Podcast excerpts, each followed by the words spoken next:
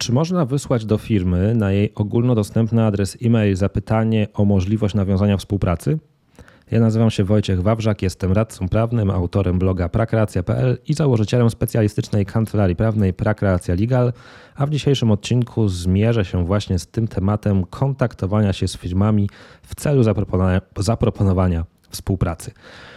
I tutaj chciałbym rozwinąć ten stan faktyczny, bo jedno z pytań, które do mnie napłynęło, w bardzo ciekawy sposób podchodziło do tego tematu, trochę inaczej niż zwykle. Już tłumaczę w czym rzecz. Mianowicie wyobraźmy sobie taką sytuację, że jesteś freelancerem.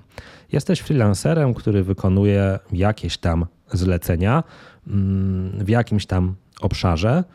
No i masz taką firmę, którą obserwujesz, którą cenisz, którą lubisz i chciałbyś dla niej popracować. No i pojawia się pytanie, czy możesz do tej firmy napisać z zapytaniem o możliwość współpracy. Pytanie niby jest banalne, niby oczywiste, no bo jak to? Dlaczego mielibyśmy zabraniać freelancerowi takiego kontaktu?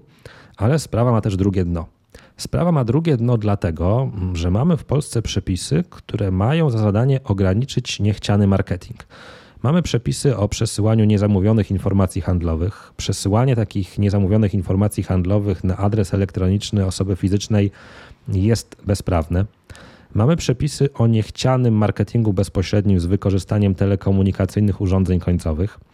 Zakazane jest wykorzystywanie takich telekomunikacyjnych urządzeń końcowych dla marketingu bezpośredniego bez zgody.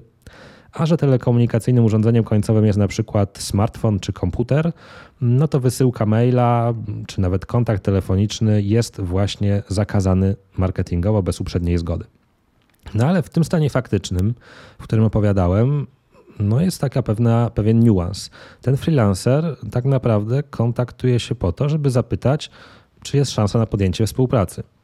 Można to sprowadzić też do takiej sytuacji, jaką my często doświadczamy w kancelarii Prakreacja Legal, gdy dostajemy zapytania od prawników, czy nie planujemy poszerzenia zespołu, bo oni się specjalizują w tym i w tym i mogliby nam pomóc. No i czy to jest już niezamówiona informacja handlowa?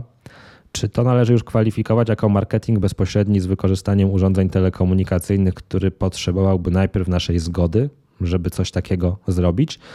No myślę, że nie ale dużo zależy od kontekstu. Dużo zależy od tego, jak sformułujemy tego maila.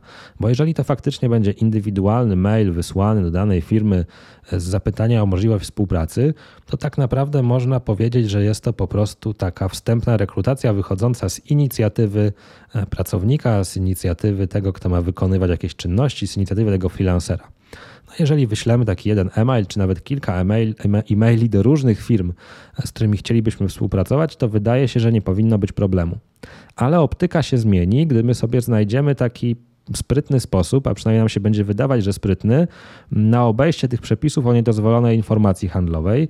I ten sposób będzie polegał na tym, że będziemy formułować te maile właśnie jako jakieś wstępne zapytanie rekrutacyjne, ale tak naprawdę to wyślemy je do bazy cold mailingowej, do tysiąca różnych adresów. No i wtedy wiadomo, nawet jak ten mail będzie sformułowany w charakterze niby wstępnej rekrutacji, to w razie ewentualnego postępowania dowodowego trudniej nam będzie wytłumaczyć się i argumentować, że faktycznie była to wstępna rekrutacja, a nie niedozwolony marketing. Więc ta granica jest dosyć cienka jeżeli zastanawiasz się nad tym, w jaki sposób możesz takie swoje e, działania związane z proponowaniem współpracy realizować, mm, to pamiętaj, żeby zawsze ten mail, który wysyłasz do firmy, e, był raczej jakimś zapytaniem o możliwość dołączenia do ich zespołu, realizacji dla nich jakichś zleceń, niż, takiego, niż takie hamskie przedstawienie oferty pod tytułem Dzień dobry, mam dla Państwa e, świetną ofertę usług programistycznych, tu jest moje portfolio, zapraszam do kontaktu kontaktu. Mm, bo w takiej sytuacji mogłoby to zostać uznane rzeczywiście za spam, za niezamówioną informację handlową, za niedozwolony marketing bezpośredni, bez pytania o uprzednią zgodę.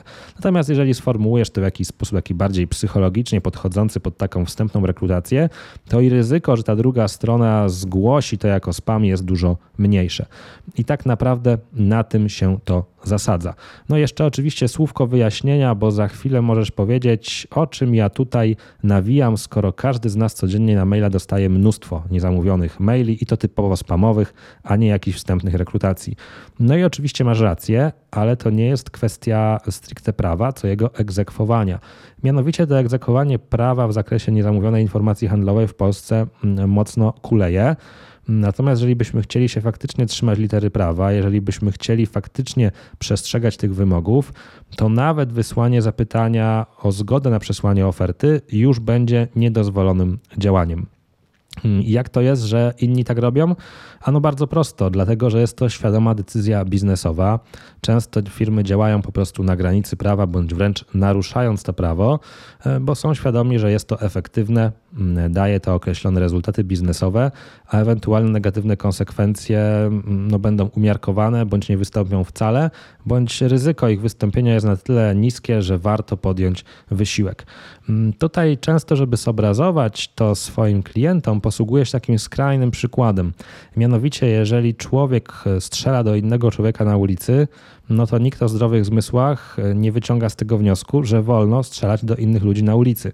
No i tak samo zachęcam Cię do patrzenia na praktyki w internecie. Jeżeli Ty widzisz, że jakaś firma, w szczególności duża, działa w jakiś sposób, to nie wyciąga jeszcze pochopnego wniosku, że faktycznie w taki sposób można działać, bo często właśnie jest tak, że te firmy im większe, z im większym budżetem, z im większym działem prawnym, często świadomie te przepisy naruszają. To wszystko na dzisiaj. Podsumowując, e, przy takich kontaktach z firmami w celu zaproponowania im współpracy, trzeba rozróżnić taką sytuację wstępnej rekrutacji, gdy podpytujemy o możliwość dołączenia do zespołu, otrzymania jakiegoś zlecenia od takiego typowego hamskiego cold mailingu z próbą przedstawienia swojej oferty typu nadruki na e, gadżetach firmowych.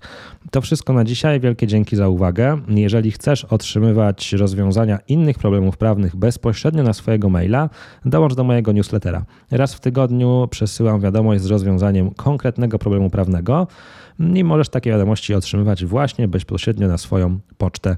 Wystarczy zapiszesz się do newslettera, a link do zapisu znajdziesz w opisie tego odcinka.